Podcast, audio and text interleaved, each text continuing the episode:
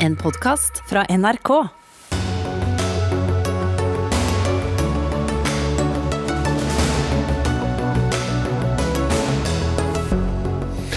Regjeringen vurderer en egen luftbro for å frakte ukrainske flyktninger til Norge.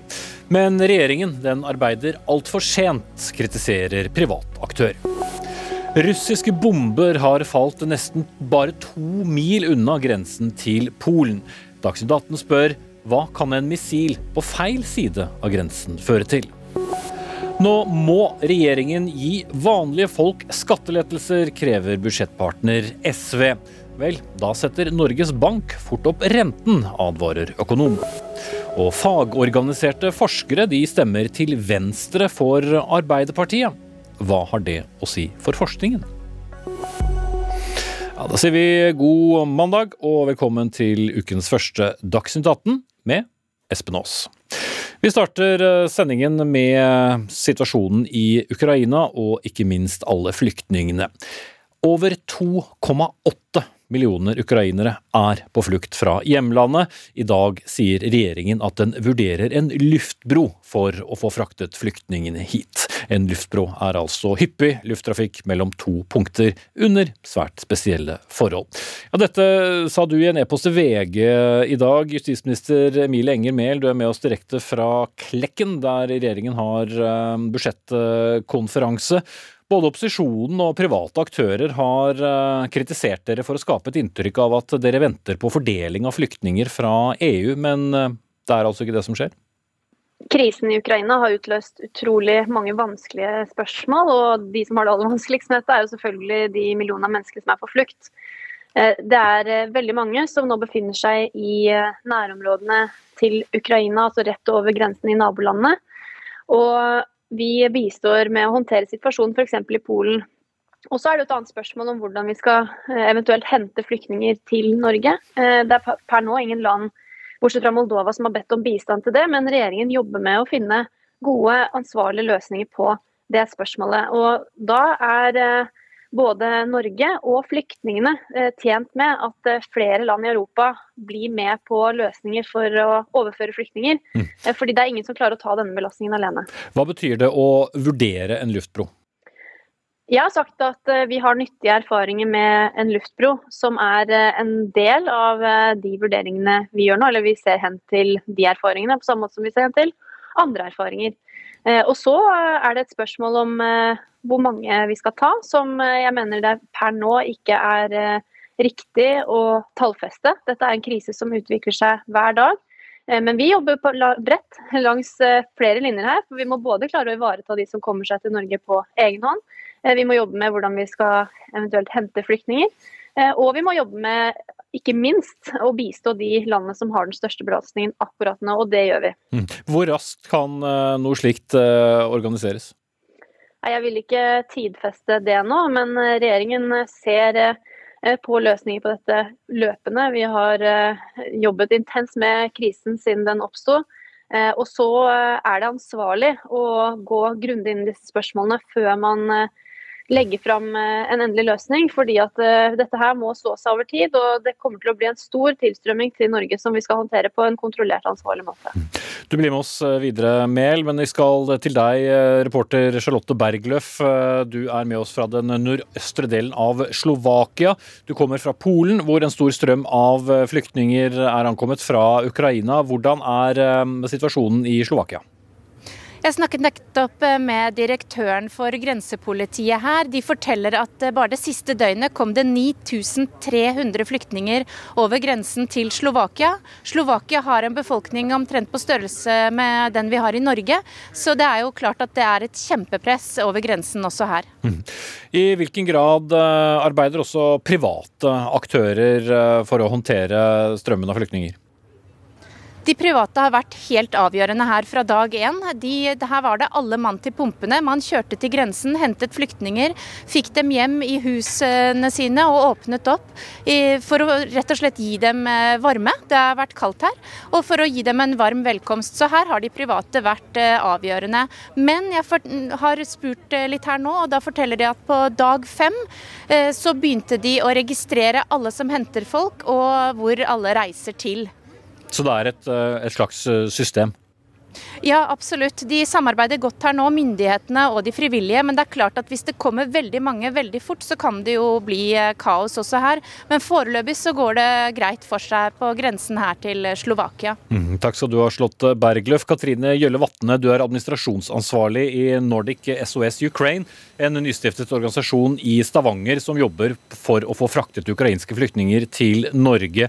Du eh, har eh, bl.a. Eh, reagert på en, en, advarsel fra justisministeren om at private aktører henter flyktninger. Hva er det du reagerer på? Jeg reagerer på at nå er vi inne i den tredje uken av krigen, og jeg vet ikke helt hva vi skal vente på. For som det ble nevnt nå, så er det kaldt. Folk fryser i hjel. Og eh, vi har egentlig ikke tid til å vente på at det skal etableres rutiner og regler og systemer, fordi i mellomtiden så, så dør folk.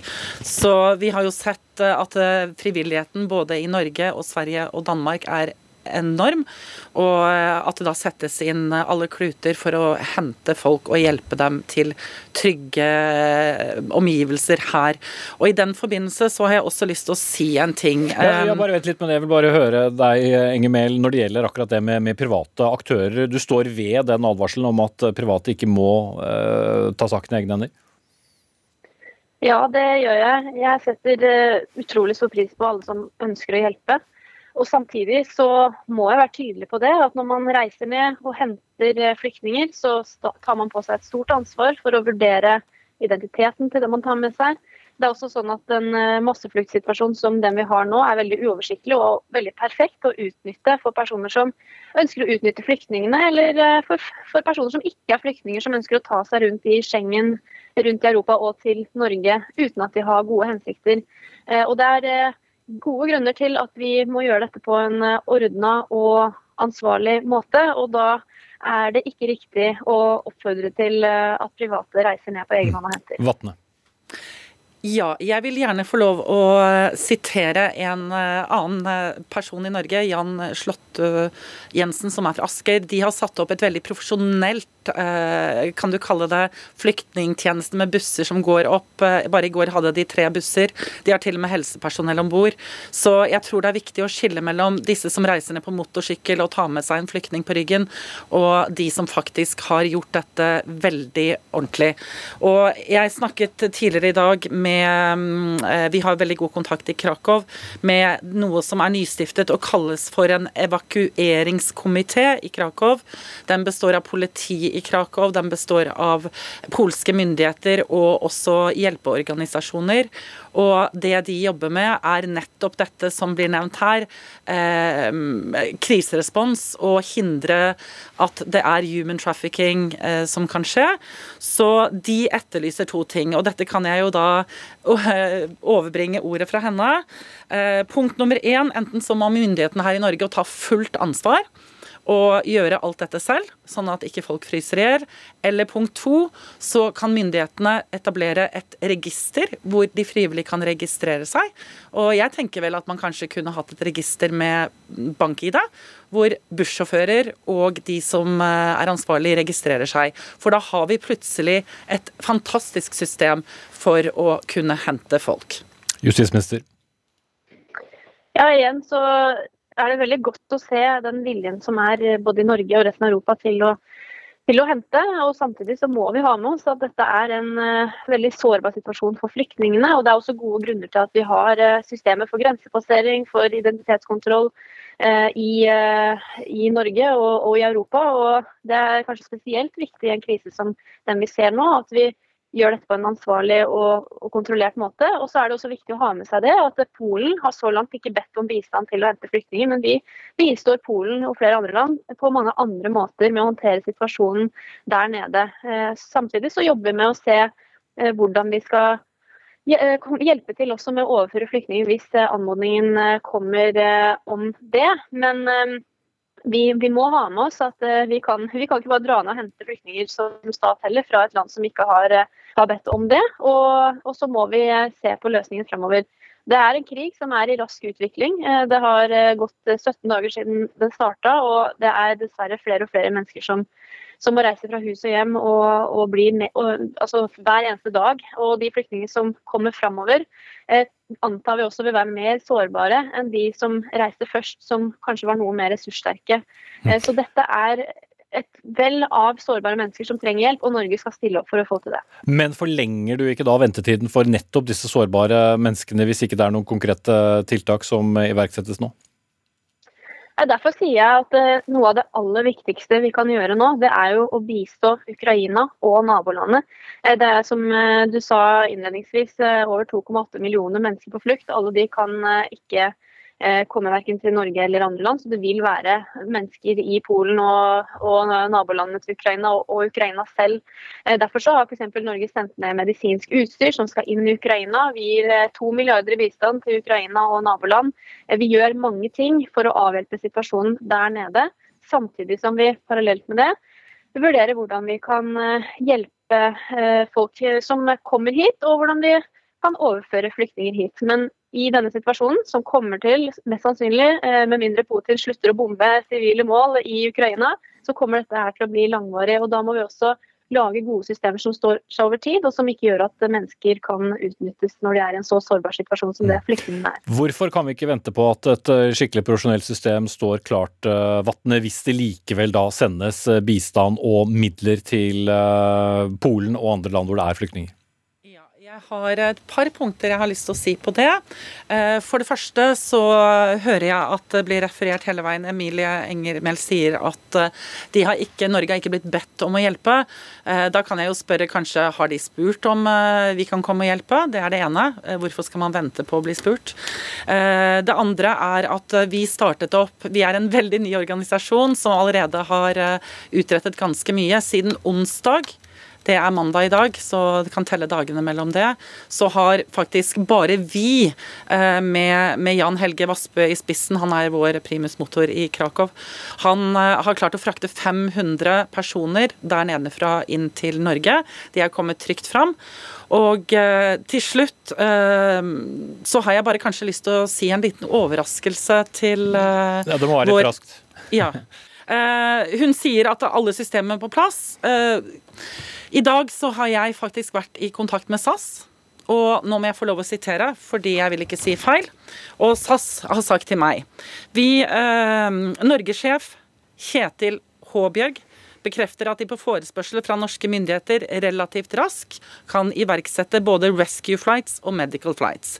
Det siste innebærer å bygge om et passasjerfly til hospitalfly, men dette må organiseres via relevante myndigheter. Og selvfølgelig må det betales av norske myndigheter. Og i går så, så jeg at Norge tikker inn nå på strøm, olje og matpriser som har økt 60 000 mm. kroner i sekundet. Dette ble, dette ble langt. Svar på det, Emil Engmel. Ja, de, Det kjenner jeg til. Vi har mulighet til å etablere systemer for å gjøre dette. og Det er jo nettopp det vi jobber med nå.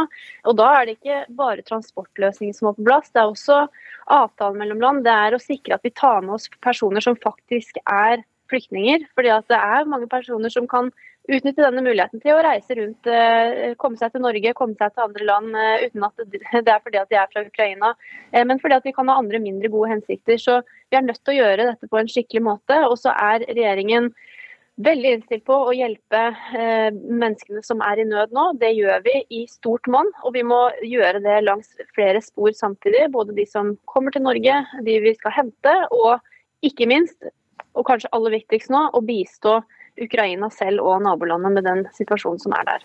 Takk skal du ha, Emilie, Emilie Enger Mehl, justisminister fra Senterpartiet, med oss direkte fra budsjettkonferansen til regjeringen, og Katrine Gjølle Vatne, administrasjonsansvarlig i Nordic SOS Ukraine.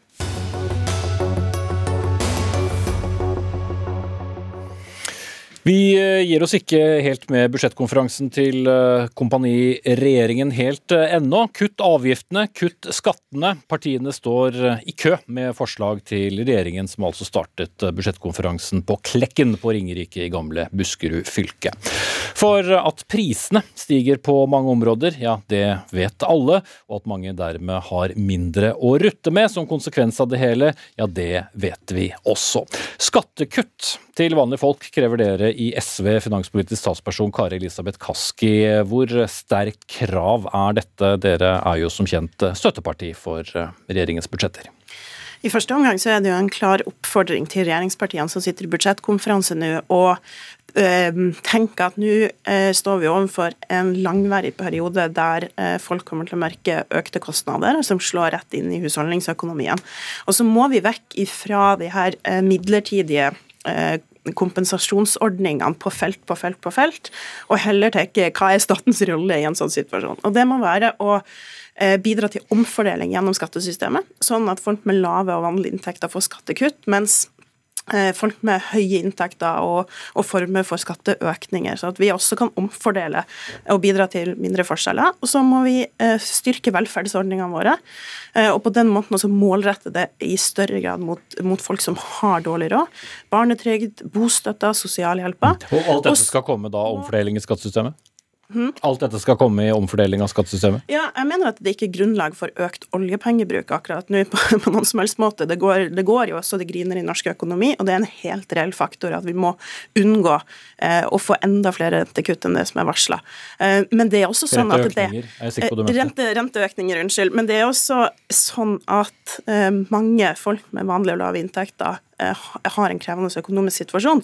Og Da er det viktig nå å bidra til omfordeling, at de får trygga sin økonomi samtidig som vi omfordeler. Men spørsmålet var også hvor viktig er dette kravet for dere? Er det et ultimatum?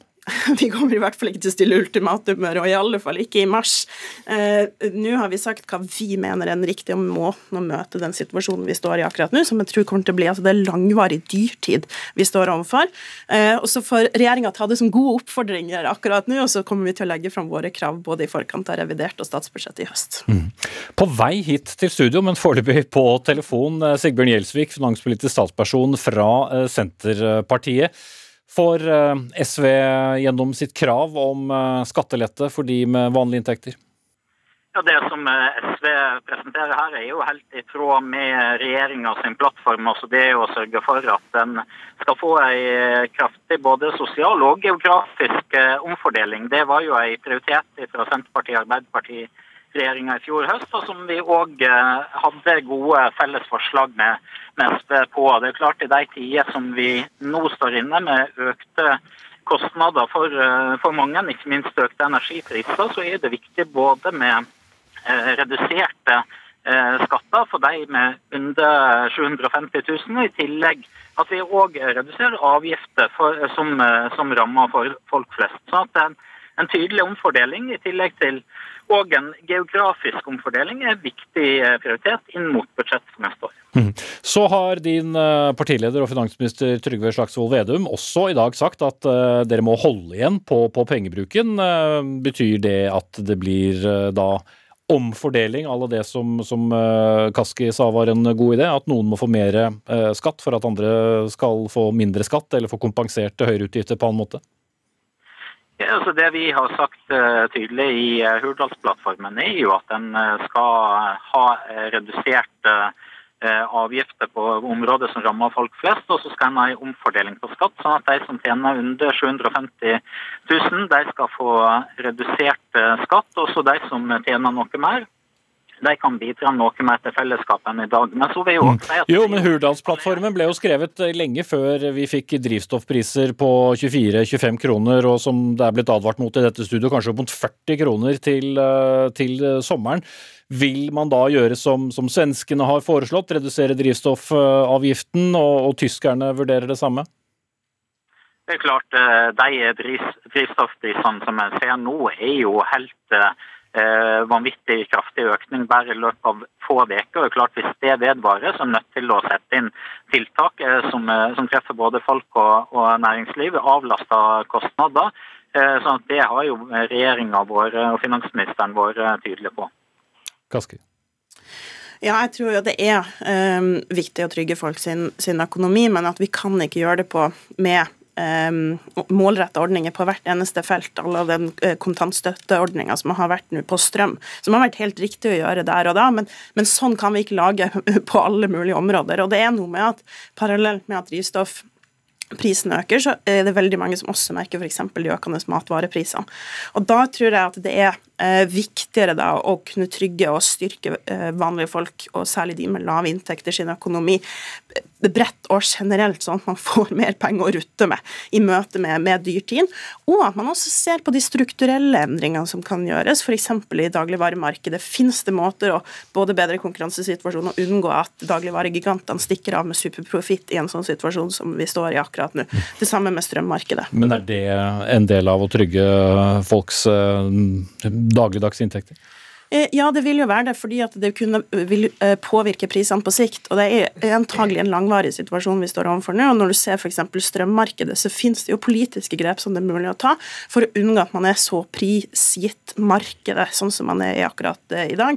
Så regjeringa må ikke være fremmed for oss å se strukturgrep i, i tillegg til disse midlertidige kompensasjonsordningene. Som Gjelsvik, en, en gjennomsnittlig familie kan få flere titusener mindre å rutte med, har noen regnestykker vis dersom du legger til eh, økt strømpris, økt drivstoffavgift, økte matpriser, og hvis du legger på et par, tre, fire renteøkninger eh, på toppen. Hva er realistisk å si til da en gjennomsnittsfamilie eh, med inntekter under 750 000 at de kan få i skattelette? Jo, men Derfor er jo det viktig å kombinere flere ulike tiltak. Sånn som i inneværende års budsjett. Så var vi opptatt av... Så, så ikke én ordning som, som, SV foreslår, altså, men at du skal ha flere?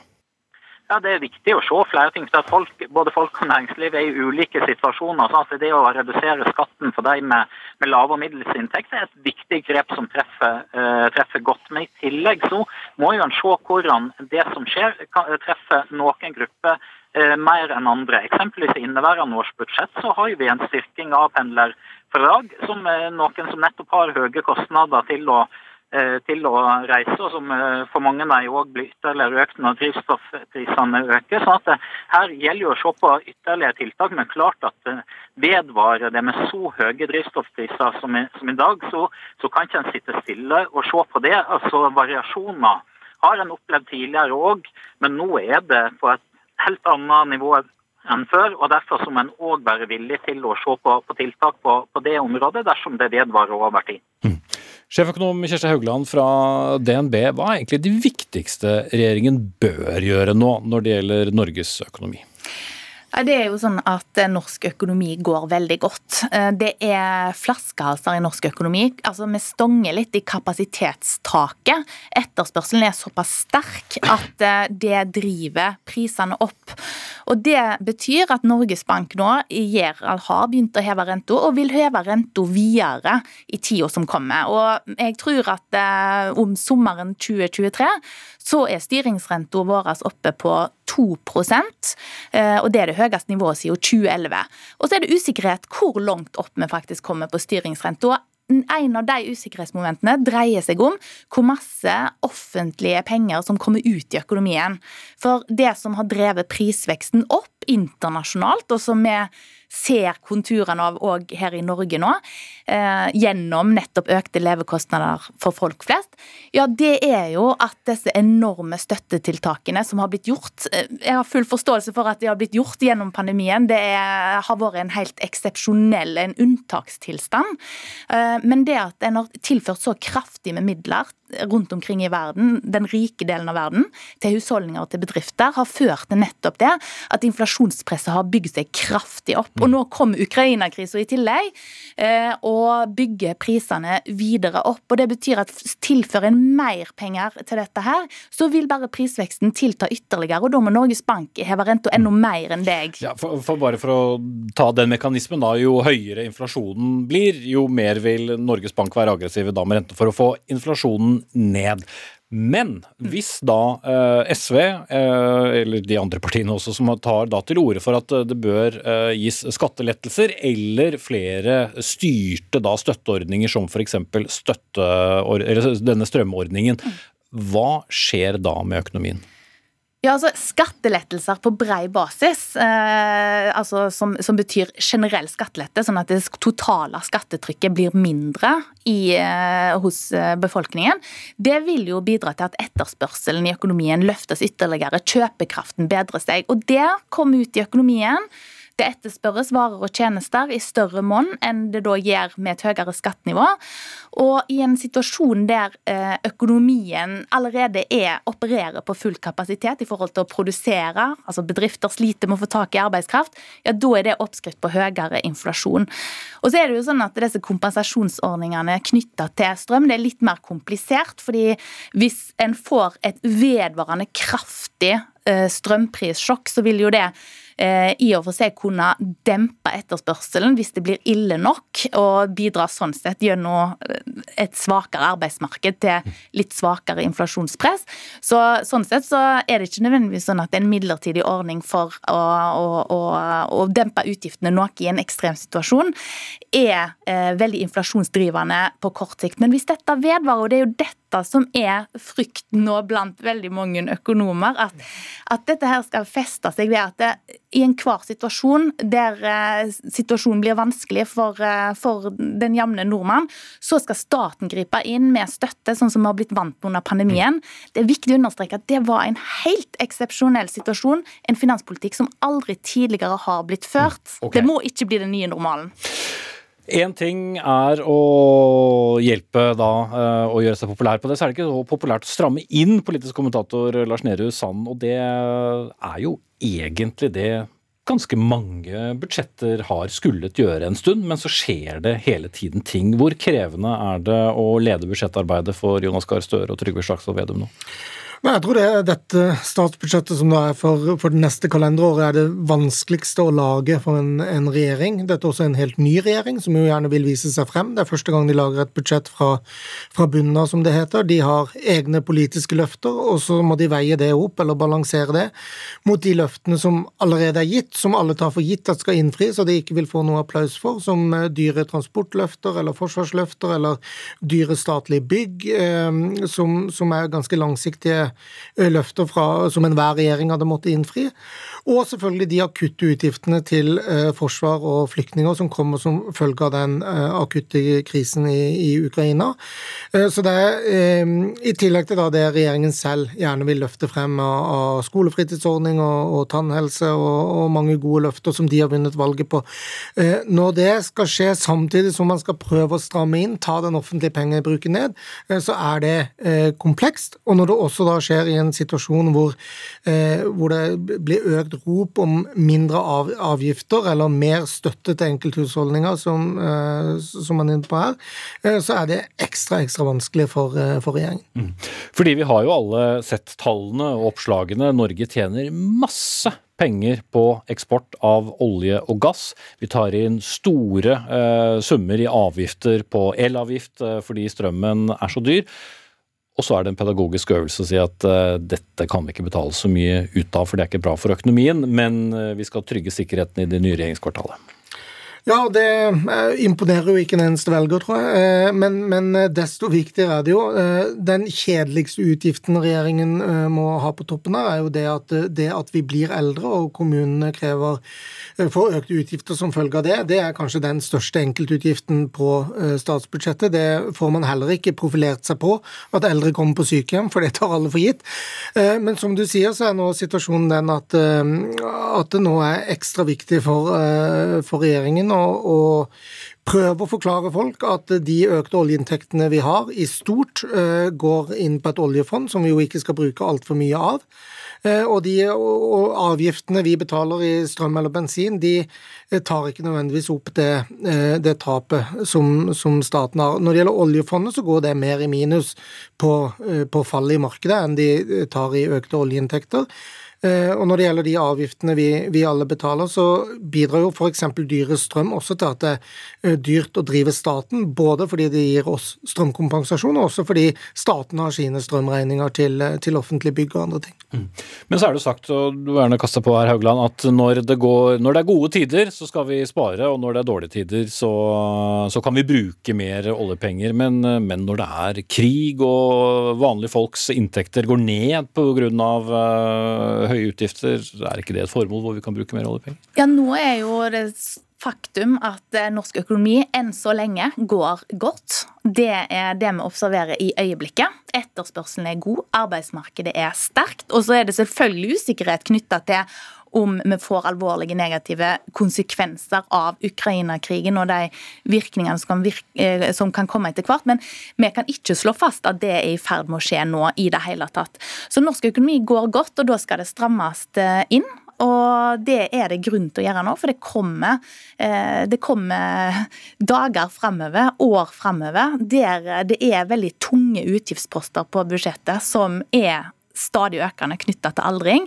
Så er det oljefondets verdi, da, som er eh, veldig sårbart for svingninger i finansmarkedet. Og kan du bare nevne at eh, Oljefondet selv la fram en analyse når de la fram sine forrige kvartalstall, der de pekte på at et scenario der det ble såkalt stagflasjon i verden, altså veldig høy inflasjon kombinert med fallende aktivitet eller stagnerende aktivitet, de satte ikke noen sannsynlighet på om dette eh, scenarioet slo til, men eh, det, da kunne det medføre et fall i oljefondets verdi på 5000 milliarder kroner. Det er nesten en halvering fra dagens nivå. Så det må vi være klar over, at vi er veldig prisgitt det som skjer i markedene. Og jo mer inflasjonen tar av der ute, jo mer er faren for at vi får sånne store fall. Hmm. Noen må klekke ut en god historie på klekken om hvorfor vi skal bruke mindre penger. Takk skal dere ha. Kjersti Haugland, sjeføkonom i DNB, Lars Nehru Sand, politisk kommentator i NRK, Kari Elisabeth Kaski, finanspolitisk statsperson fra SV, og Sigbjørn Gjelsvik, finanspolitisk statsperson fra Senterpartiet.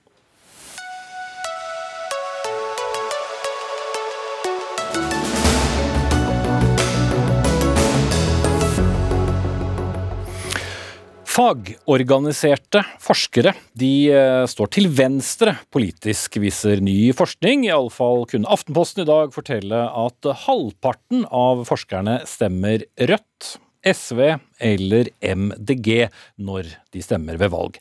Men har det noe å si for eh, hva det forskes på og hvordan det forskes her til lands, eller er forskningen eh, like verdifull? Forsker Kjersti Torbjørnsrud, du jobber ved Institutt for samfunnsforskning. Dere la frem denne forskningen for Fritt Ord i dag. Dere har spurt da de 80% av forskerne som er fagorganisert, altså tilhører en, en fagforening. Det er altså da 20, forskere, 20% av forskerne som ikke er spurt. Var det overraskende at uh, da halvparten sa at de stemte på partier uh, til venstre for Arbeiderpartiet? Graden av, av skal vi si, en rød-grønn dominans var nok litt uh, overraskende. Uh, men ellers så, uh, så, bekrefter denne undersøkelsen tidligere undersøkelser, og også ikke minst undersøkelser fra andre land om akademia, og særlig humanister og samfunnsforskere, som, som ser ut til å stå et godt stykke til venstre for befolkningen. Da. Mm. Samtidig så så ligner jo forskere mer på andre høyt utdannede grupper enn de ligner på andre. Sånn at, men likevel, hva, hva betyr det? Nei, Det betyr at utdanning i dag faktisk er kobla til, til slags sånn venstreliberale grunnholdninger, mm. statistisk sett. Eh, men så står forskerne et lite stykke til venstre der igjen. Mm. Men eh, hva du velger å stemme ved valg annethvert år, eh, i hvor stor grad forteller det noe om hvor politisk hver enkelt forsker er? Altså det, det, er egentlig bare en indikasjon. Eh, det, ikke, det skal jo ut ifra vitenskapelige idealer så skal det faktisk ikke ha noen ting å si. For det jo, handler jo om forskningsmetode. At personlige oppfatninger skal jo ikke farge de konklusjonene man trekker, bare for å ha sagt det. Og det er heller ikke sånn at vi tenker at forskerne sitter med en slags partibok når de driver med forskning. Sånn, sånn er det ikke. Eh, men det kan si noe om en sånn grunnleggende verdisyn, grunnleggende samfunnsorientering. Og vi ser jo at da det handler om eh, hvor man plasserer seg på sånne tradisjonelle ideologiske skillelinjer, som å være opptatt av eh, omfordeling, opptatt av eh, likhet, opptatt av å utforske hvordan minoriteter og svake grupper har det, opptatt av likestilling. Så det ligger nok en annen form for en, en grunnleggende samfunnsorientering da, som man forbinder med rød-grønne partier. Og også at man er opptatt av miljøvern foran vekst i dag. Mm. ekstra viktig. 20% eller én av fem da, for å, å, si det sånn, av forskerne er da ikke organiserte og er da ikke en del av, av denne undersøkelsen. Så helt riktig bilde gir den ikke, selv om vi da vet lite om hva disse siste 20% sier at de stemmer ved valg. Den gir ikke et eksakt bilde. Det, det, det, gjør det ikke. Og det kan jo hende at den at i den grad eh, forskere som velger å ikke organisere seg, eh, står lenger til høyre f.eks., så kan det hende at de er litt underrepresentert. Mm. Jan Erik Grindheim, du er førsteamanuensis ved Universitetet i Sørøst-Norge og tilknyttet den liberale tankesmien Civita. Du mener forskernes politiske preferanser kan være problematisk for forskningen. Hvordan da? Det er jo det at altså, jeg er helt enig at det er noen, som de også sier i forskningen her, da, at så er det jo noen ting vi må ta hensyn til, bl.a. at ikke alle er spurt osv. Men det er klart det er jo ganske store forskjeller, da, hvis du ser på hvordan velgerne forholder seg. Og, og her da at det er partier som tross alt står til venstre for, for Arbeiderpartiet, som har så stor oppslutning, så er det jo veldig stor variasjon. Og du kan stille det spørsmålet om har det noen påvirkning. Og det er også slik at når journalister også har en tendens til å gå samme vei, redaktører, så kan du selvfølgelig spørre om de som setter dagsorden setter en dagsorden som er i, i, samsvar med det folk flest ville tenke. Mm. Og svaret på det er hva da? Nei, altså Det tror jeg ikke de gjør. Jeg tror nok de er opptatt av kanskje en del spørsmål som mange at velgerne da finner litt spesielle i forhold til det som velgerne generelt sett er opptatt av. Nå trenger jo ikke det være noe galt i det, for det er også viktig at forskere finner utsatte grupper osv. Men det er klart, hvis det blir for stor forskjell mellom det den politiske eliten, den akademiske eliten, journalister og media er opptatt av, og det folk flest er opptatt av, så kan vi få et demokratisk underskudd. Mm. Hvis vi holder oss til, til, eh, forskningen, da, siden det er det dette handler om. Finnes det noe som kan kalles for ja, si, venstrevridd eh, forskning? Og i så fall, hvordan kan en forskers politiske preferanser komme til uttrykk i, i ferdig forskning? For det er jo ikke sånn at man jobber i en liten boble hele veien? Det er vel de spørsmål som stilles. Jeg tror nok det er en større utfordring enn at du ser analyser som er veldig vridd i en eller annen politisk retning. Da. Men det er klart, jeg bare så, tok en oversikt over hva som er publisert av velferdsstudier de siste årene internasjonalt, de siste 30 år. Det er jo alle, alle unntagen én bok av Stein Kunle, som er professor ved Universitetet i Bergen. Alle handler om velferdsstatens krise. Han sa the survival of the welfare state. Alt andre kriser, velferdsstatens forsvinning, velferdsstatens eh, nedbygging osv. Og, og så vet vi jo at i realiteten så har velferdsstaten aldri vært bedre enn den er. Så det er klart, Da kan du stille spørsmål om er, er dette ordentlig forskning, eller er det forskning mest styrt av en problemorientering som da ødelegger litt av mm. men, men, er det et venstre ståsted å stille spørsmål ved velferdsstaten? Nei, men det er jo noe med det at det, som, som, du sier også i forskning, at det er klart du kanskje, hvis du driver med forskning, så er du kanskje opptatt av å lete etter utfordringer og problemer mer enn etter hva som er alt alt er greit. Mm. Og da vil du få en sånn utvikling. Svein Stølen, rektor ved Universitetet i, i, Oslo. Dere forsker jo på klima, miljø, kjønn, religion eh, og helse. Er det et problem at uh, så mange forskere da står til venstre i politikken? Jeg tror veldig mye av det som har vært diskutert her i dag, handler om samfunnsvitenskapene. og Da må vi skille mellom forskningen som foregår etter at du har tatt en beslutning om hvilken problemstilling du ønsker å studere, hvordan det da jobbes i hele fagfellessystemet, hele det akademiske kollegium, som sørger for at den, de resultatene kommer ut er, er gode. Der er det en intern justis og et, et, system som fungerer. Og Så er jo spørsmålet som vi hører her også, i hvilken grad påvirker det hvilke problemstillinger du angriper. Det kan det gjøre, men det er ingen en til én sammenheng mellom dette. Så vil jeg jo også legge vekt på at i Norge så er det en ganske stor samfunnsvitenskapelig sektor, hvor det er en stor instituttsektor. Den med Institutt for samfunnsforskning, med PRIO, med NUPI, med SSB osv. er jo avhengig av penger fra staten, og de definerer jo da ofte problemstillingen som det studeres på. Så her er det en ganske bred problemstilling som er viktig. Og så tror jeg det er viktig at til syvende og sist så ansetter vi folk på universitetene basert på merittering, ikke på partibok. Så det er viktig at vi vi forholder oss til den vitenskapelige metode. Og så er det selvsagt eh, interessant å diskutere i hvilken grad mangel på mangfold påvirker hva man studerer. Kjønn, etnisitet, partipolitisk tilhørighet, religion osv. Mm. Ja, du kan vel ikke heller spørre folk hva de stemmer når du ansetter, så det løser seg jo raskt. Men, men Grina, bare for å forsøke å være litt mer konkret på hvordan det kan påvirke. Ofte sier man jo kanskje at folk til venstre vil være mer opptatt av hva, hvordan staten løser et problem, mens folk plassert til høyre vil stille mer spørsmål med hva, hva, et individ kan gjøre, og hvilket ansvar som hviler på individet. Siden du tilhører da Civita-miljøet, så regner jeg med at du muligens ikke tilhører eh, denne gruppen her, da. Du er vel heller ikke organisert. Men hvordan ville du stilt et spørsmål under forskning annerledes da, i ditt utgangspunkt, enn en som sier at de stemmer rødt, hvis du kan opplyse folket litt der? Ja, så jeg tror nok det. Jeg tror ikke nødvendigvis at vi hadde hatt forskjellige konklusjoner ut fra de samme dataene, men jeg ville, ville kanskje spurt andre spørsmål. Og Civita vil vi kanskje være mer opptatt av f.eks. hvordan næringslivets eiere og, og bedriftseierne eh, ser på problemstillinger, mens andre vil være opptatt av hvordan arbeiderne gjør det. Og så vil vi kanskje kunne komme fram til en felles konklusjon, men vi stiller forskjellige spørsmål. og Derfor er jo mangfoldet veldig viktig. Og jeg må jo si at jeg jobber jo, jeg har en liten 20 stilling i Civita fordi det er et utrolig spennende miljø. Tverrfaglig, som ble tatt opp i dag på presentasjonen av boken. Tverrfaglig, og med, med, hvor du møter da, den virkeligheten du studerer, på en helt annen måte enn du gjør i akademia. Mm. Men det du egentlig sier, er at det er, det er ikke gitt at uh, selve jobbingen, eller konklusjonen, blir så annerledes, men det er noe med hvilke spørsmål som stilles underveis i en prosess mer, ut fra hvilket politisk ja, ståsted du har. Det er mer, men det er klart du kan få politiserte uh, resultater, men det er nok mer hvilke spørsmål som stilles. Mm. Dere har jo foretatt en del dybdeintervjuer her. da. Torbjørnsrud, føler uh, forskere seg fri til å stille de spørsmålene de vil, eller i hvor stor grad er man bundet? Og, og prosessen fra, fra, man begynner på forskning og, og til forskningen publiseres, skjer det også mye? Altså, som Stølen sier, så er det jo flere ting som begrenser hvilke spørsmål man får stille og hva man kan forske på. Det er jo sterk konkurranse om midlene også. Eh, men, eh, men vi ser også at eh, en del forskere, det, det ses på forskjellig, men, men noen opplever at at de også tar hensyn til måte, hva som er innafor innen, innen, eget forskningsmiljø, hva som oppfattes som på en måte i tråd med noen sånne grunnleggende verdier, og at en del opplever at de begrenser seg. Og så ser vi jo det at det er mange forskere som er engstelige for å uttale seg offentlig om politisk kontroversielle funn.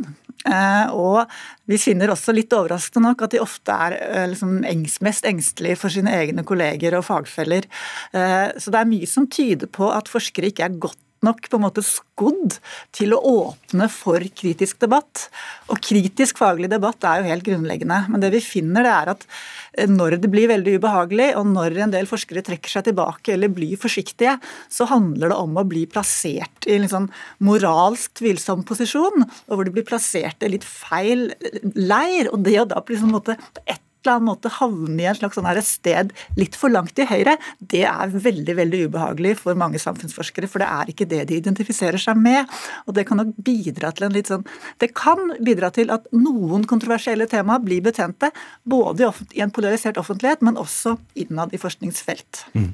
Ut fra de resultatene her, Stølen, burde man da ved et universitets ledelse også ta det innover seg til en, til en, viss grad. Ikke fordi at man skal plukke forskere ut fra deres politiske ståsted, men kvalitetssikre at spørsmål stilles begge hver, som f.eks. vi gjør da i journalistikken. Hvordan ville man stilt det samme spørsmålet hvis man hadde et eh, ståsted til høyre eller, eller venstre? Jeg tror nok mye av den debatten må skje i fagmiljøene. ikke sant? Det er en spesialisert eh, verden, universitetene, så det må skje i de lokale miljøene. Men jeg tror en av de tingene vi skal gjøre, det er å være opptatt av hvordan vi trener opp våre studenter til å være tydelige, stå i uenighet, tåle debatter, skille mellom person og sak, og, og være med på å sikre en åpen og offentlig samtale i framtida. Det tror jeg er viktig for oss å mm. bidra til. Så er det ikke så mange yrkesgrupper da, som eh, stemmer helt likt med folket. Jeg kan bare komme på 169 stykker, og de er på Stortinget. og Selv der må vi justere for utjevningsmandater. Så, så, det er ikke lett å finne de som representerer alle. Svein Sølen, rektor ved Universitetet i Oslo. Kjersti Torbjørnsrud, forsker ved Institutt for samfunnsforskning, og Jan Erik Grindheim, førsteamanuensis ved Universitetet i Sørøst-Norge.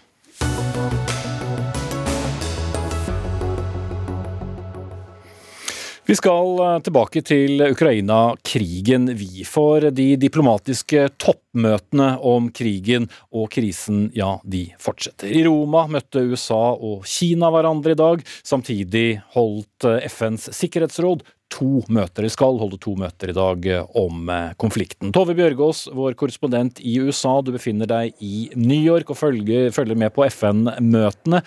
Hva er de viktigste temaene? I dag så har de både diskutert eh, sikkerhet og Organisasjonen for samarbeid og sikkerhet i Europa, som ikke lenger er i Ukraina, har snakket om situasjonen. Den polske utenriksministeren har vært her og kaller det Russland driver med for krigsforbrytelser.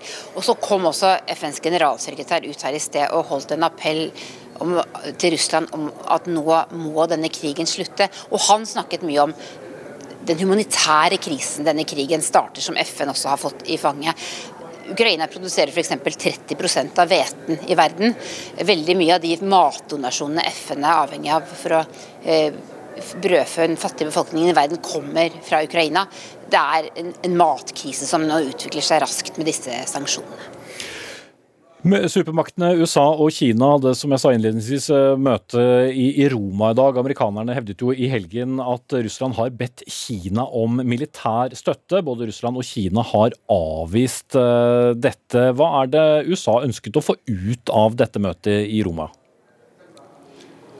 De ønsker å ha dialog med Kina, men det har kommet veldig lite ut om hva eh, som har skjedd på, på, dette møtet i Roma. Det er så sikkerhetsrådgiveren til Biden, som, Jake Sullivan, som var der. Som, som, eh, og, og, det var altså i, i helgen at, at, disse opplysningene kom fra USA, som det har gjort så mange ganger i denne krigen.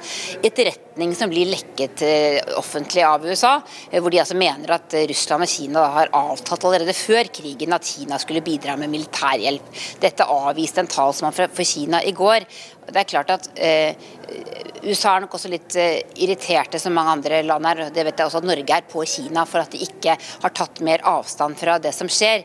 Men det er jo ingen som kan bevise eh, at de faktisk planlegger å gi militær hjelp. Det eneste vi vet er at dersom det skulle bli en eh, Dersom Kina også skulle bli trukket inn i denne konflikten, ja da tør jeg nesten ikke tenke på hva slags konflikt vi, vi vil ende opp med. Øystein Tunsjø, professor ved Institutt for forsvarsstudier ved Forsvarets høgskole. Du mener Kina ikke sitter på noen diplomatinøkkel til å løse denne krigen, skrev du på, på NRK Ytring i helgen. Men eh, de kan jo fort vekte dette den ene eller den andre veien, hvis de f.eks.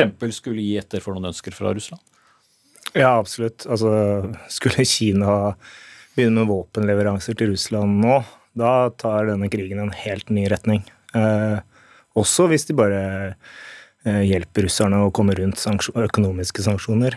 Eh, foreløpig så har ikke kineserne bestemt seg helt eh, for, for, hvilken retning de skal gå. De vil selvfølgelig ivareta det, det partnerskapet de har med Russland. Men jeg tror nok det møtet i Roma i dag dreide seg om at amerikanerne advarer kineserne om å ikke gå for tett opp til Russland i, i denne krigen. Hvis kineserne da føler seg presset eller anklaget fra, fra USA, da, som for så vidt eh, USA har, har, gjort i helgen, eh, hva da? Det er jo en hårfin balansegang, eh, dette?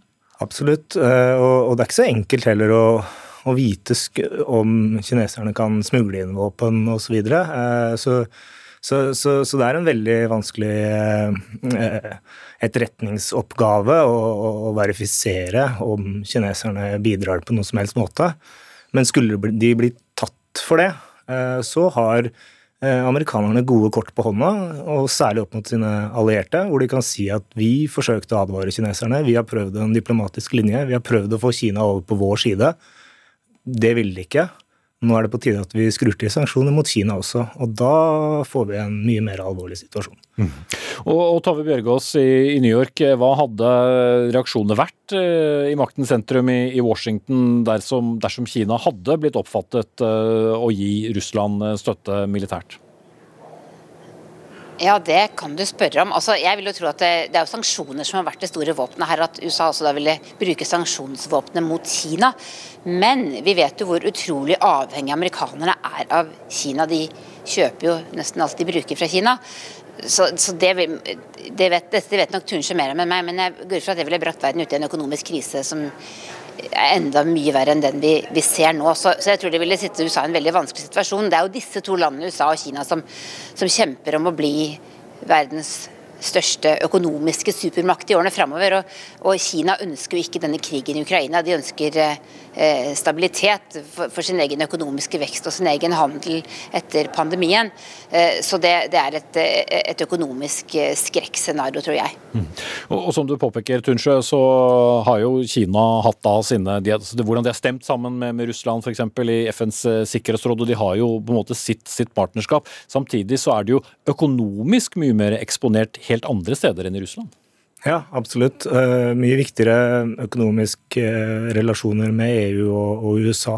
Uh, men allikevel så, så, er det strategiske betydningen, den ideologiske betydningen, den militære betydningen av partnerskapet med Russland enda viktigere.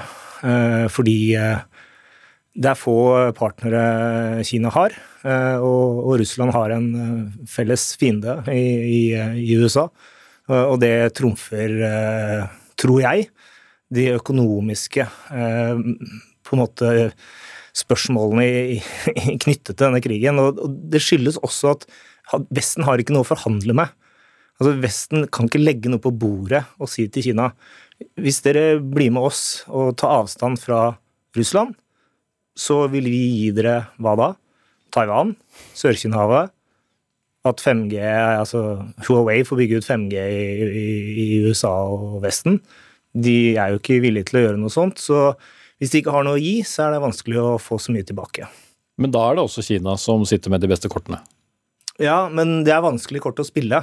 Eh, fordi de ikke kan gå for tett på Russland, fordi i frykt av at kanskje da amerikanerne skal sette i gang med sanksjoner. Eh, og, det er klart at eh, det er vanskelig å vite hvor denne krigen fører Putin-regimet. Og det også er en stor risiko for, for Kina. Det er jo en superenkel retorikk, men den er blitt brukt mange ganger. Er du ikke med oss, så er du mot oss. Det kan jo også være et spørsmål om tid før noen bruker den, enten det er Vladimir Putin eller USAs president eller andre. Absolutt, eh, men for kineserne så tror jeg de har følt på den veldig lenge. De har følt at amerikanerne er mot oss. Eh, så, så valget for eh, Kinas ledere er kanskje ikke så vanskelig, egentlig. Mm. Men de har ennå ikke valgt å antyde noe? Nei, fordi de prøver å gardere seg. De prøver å, å, på en måte spille litt på to hester og ivareta i hvert fall en, en viss eh, relasjon til Vesten pga. de økonomiske båndene. Men samtidig ikke kaste Russland under bussen, for å si det sånn, og, og, og gi opp det strategiske partnerskapet. Mm. Det blir uh Spennende. Veldig spennende. Øystein Tunsjø, professor ved Institutt for eh, forsvarsstudier ved Forsvarets høgskole. Bare ta inn deg helt kort til slutten eh, her, Tove Bjørgaas fra, fra New York. Eh, hvilke pressmidler har eventuelt USA?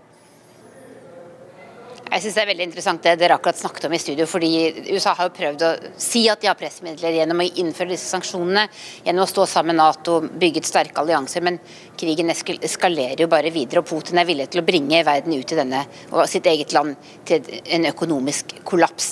Og Det som kommer etter dette, vil jo være et, et veldig sterkt mistillitsforhold til Russland, som da kanskje vil trenge en sterkere allianse med Kina. og da, da står vi på en måte overfor en verden som blir enda mer polarisert enn den er i dag, med Europa og USA kanskje på den ene siden. Så ja, jeg tør nesten ikke. Det, det blir Vi håper å følge med. Takk skal du ha, Tove Bjørgaas fra New York.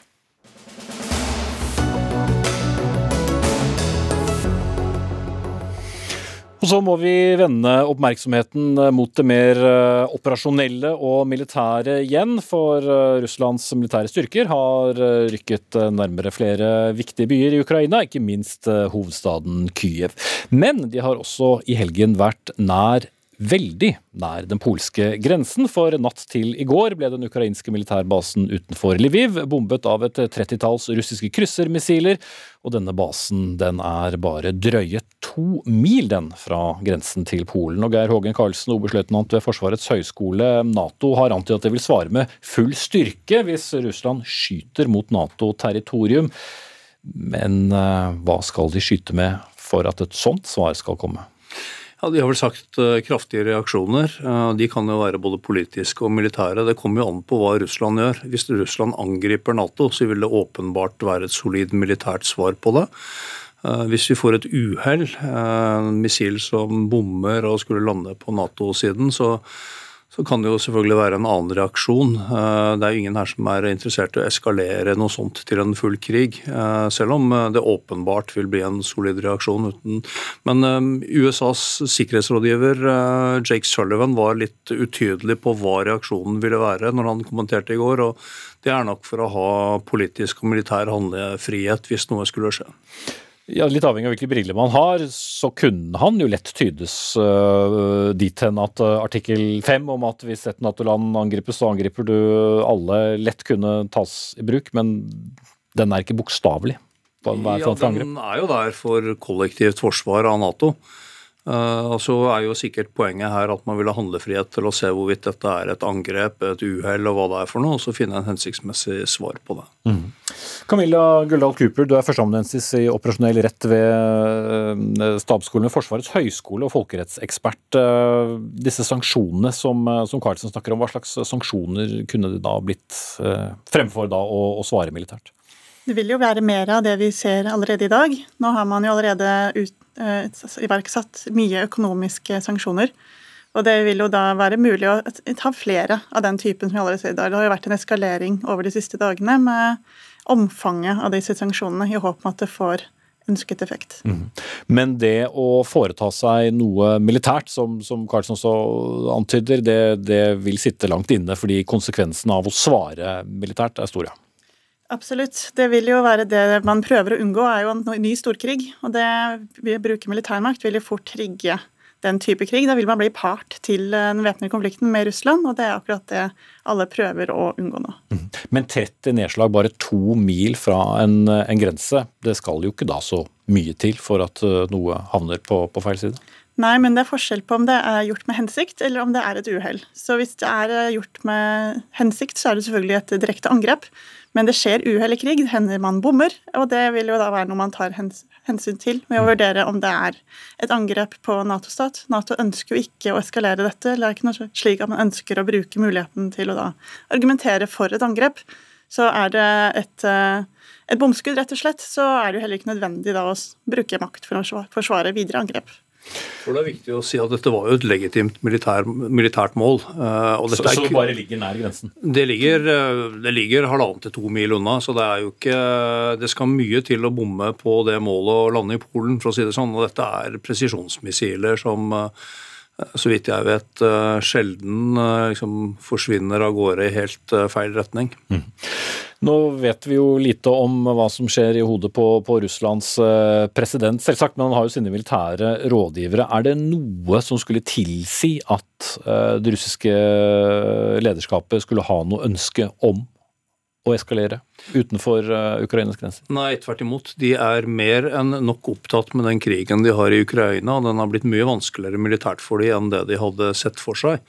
Eh, så Det siste de ønsker, er jo selvfølgelig da å utvide konflikten til en, til en stor konflikt med Nato. Det, det, vil jo være militært helt eh, feilvurdert. Mm.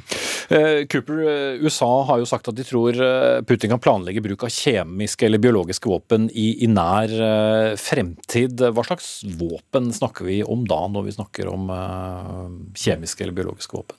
Så Kjemiske våpen er jo da f.eks. gass. Dette har vært forbudt siden første verdenskrig, hvor man så hvor utrolig vanskelig det var å kontrollere, og stor lidelse det forårsaket. Når du snakker om biologiske våpen, så er det rett og slett bruk av bakterier i krigføring. Begge delene er ansett for å være brudd på veldig mange av prinsippene i krigens folkerett. Mm. Men øh, de har blitt brukt? De har blitt brukt, absolutt. Og Putin har jo vist tidligere at han har, uh, har det, og at han er villig til å bruke det i visse situasjoner. Mm. Men det er ikke noen indikasjoner man har sett til nå om at det brukes nå og, og, hva slags effekt, for de som måtte lure på det, kan bruken av da bakteriologiske våpen f.eks.? Det kommer helt an på hvilken type man bruker. For her kan man se alt fra den type eh, angrep som har vært på enkeltstående opponenter til eh, Russland de siste årene, til eh, større angrep hvis man putter f.eks. bakterier i drikkevann eller den type. Vi hører stadig om russiske styrker som nærmer seg byer. Det har vi for så vidt gjort i, mange dager, Geir Hågen Karlsen. Men hva er vi, bør vi være mest oppmerksom på? Er det fortsatt hovedstaden, og om det kommer et uh, direkte stort angrep der? Ja, nå har de jo drevet rundt eh, Mariupol i 11-12 mm, dager med enorme ødeleggelser, og ifølge lokale myndigheter 2500 uh, drepte sivile. Og det er en by på drøyt 400 000 innbyggere. Eh, så det sier noe om hvor ille bykrig kan være. Eh, I tillegg så har de omringet og slåss rundt en lang rekke andre byer i, i Ukraina.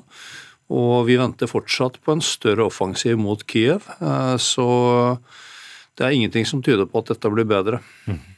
Ok, vi kommer nok til å snakke mer om dette. Takk skal dere to ha. Geir Hågen Karlsen, oberstløytnant ved Forsvarets høgskole, og Camilla Guldal Cooper, førsteamanuensis ved Stabsskolen. Gro Arneberg var ansvarlig for innholdet i denne sendingen. Eli Kyrkjebø tok seg av det tekniske. Jeg heter Espen Aas, minner om Dagsrevyen på NRK1 nå klokken 19, og så er vi tilbake med ny sending i morgen. Takk for nå.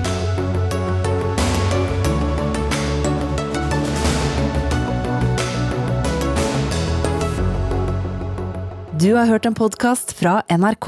Hør flere podkaster og din NRK-kanal i appen NRK Radio.